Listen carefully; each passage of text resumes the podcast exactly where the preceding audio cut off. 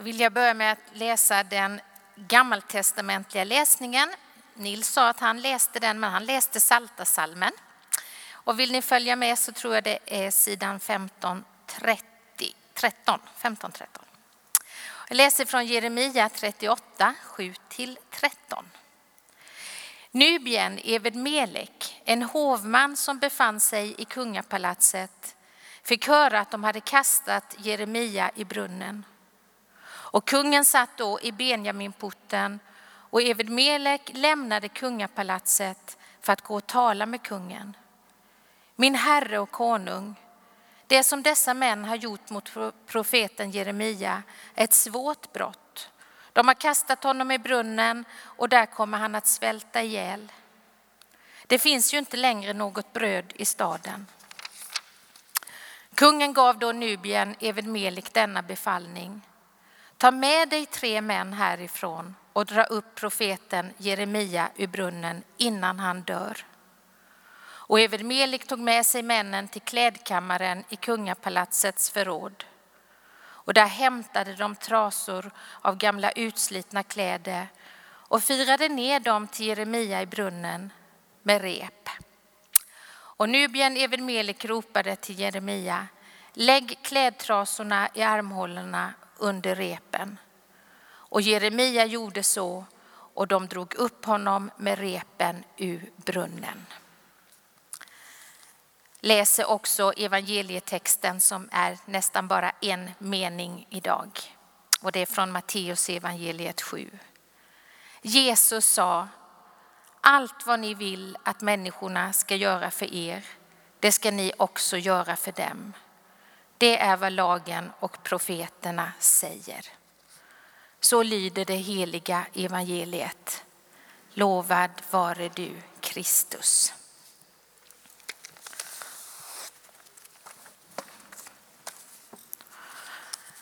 Ja, den här texten om Jeremia, den talade starkt till mig.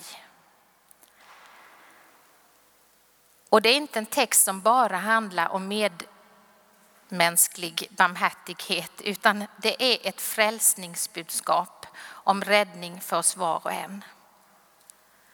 Jeremia, han var profet och han vågade gå på Guds befallningar och han, man kan tänka att han hade det bra förspänt och att Gud inte skulle låta honom råka ut för saker och ting. Men även att han var en gudsman så hindrade det inte utan att han kom i, både i trångmål och stora besvärligheter. Alla kan komma i stora problem även om man vandrar med Gud. Jeremia hade precis suttit i fängelse och blivit släppt därifrån och kommit ut på vaktgården vid palatset. Då kan man ju tänka att nu var det, nu var det på väg uppåt, nu skulle det bli bättre. Men så hände detta att de kastade honom i brunnen. Det var liksom inte slut på eländet. Och det där tror jag att vi kan känna igen oss ibland, att man tänker att nu, nu har det värsta hänt, nu, nu kan det inte bli värre. Så händer det någonting som faktiskt kan tyckas vara ännu svårare.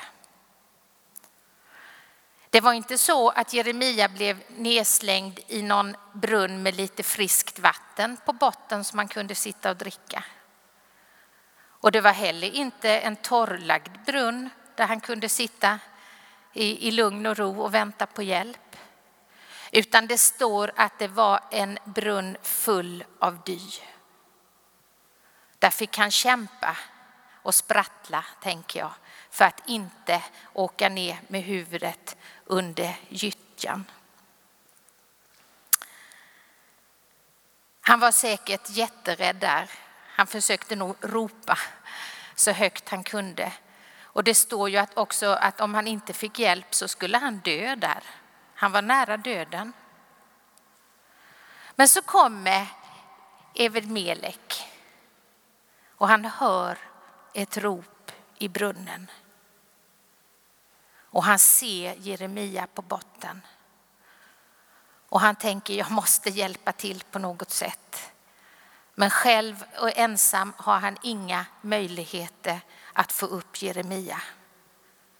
Men så tänker han till och så tänker han, ja, jag går och pratar med kungen. Det är modigt att våga gå och tala med kungen.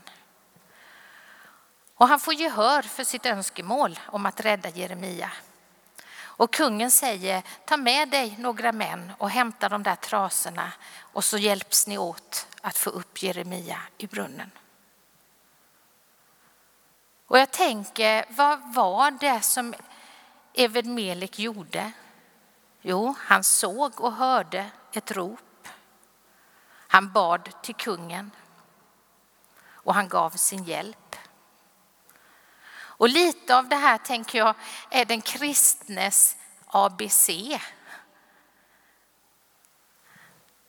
Att se människan, att be och att ge sin hjälp. Medmänniskor, det kan vi alla vara. Det finns många som inte är kristna som är, är, är goda medmänniskor som både ser och ger. Men som kristna och inom diakonin och i kyrkans värld så har vi då en extra dimension och det är att vi kan be till Gud. Vi kan be till kungas kung för människor som håller på att dö i brunnen.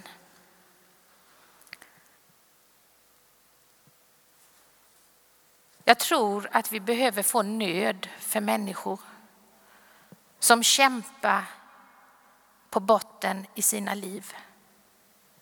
Vi behöver ropa till Gud om deras räddning för dem som inte ser någon ljusning alls. Och det finns många brunnar att falla i. Det kan vara droger, vi kan hamna i fattigdom, synden och smutsen. Och när livet har gått sönder så är det svårt att själv ta sig upp. Och när vi är på botten, då är vi så långt ner som vi kan komma. Vi måste upp. Men vem hör ropen? Vem finns som kan rädda? Kanske har vi blivit besvikna både på människor och på Gud och tänker att det är ingen idé.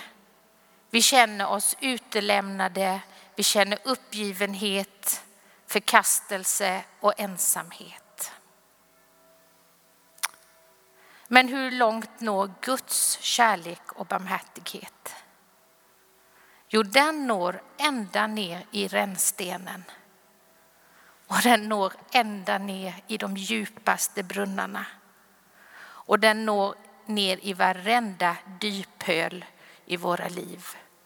Den når in i det mörkaste av mörker. Och den största barmhärtigheten och kärleken, den har Jesus själv visat. Han gick ännu längre ner än botten, för han gick ner i helvetets avgrund. Det gjorde han för att befria och rädda oss var och en. Och Jesus är den som firar ner sitt, sitt rep till oss idag. Han är nådefull, han är god, han kan frälsa, han kan befria oss och han kan upprätta oss. Då kanske vi tänker, men hur ska han nå? Hur ska han nå oss där i det där allra svåraste? Men då står det också på ett ställe i Bibeln, ett underbart bibelord som jag säger så ofta nu för tiden och det är att Herrens arm är inte för kort så att den inte kan rädda. Tänk att han har en hand som når var och en som sträcker sig till honom.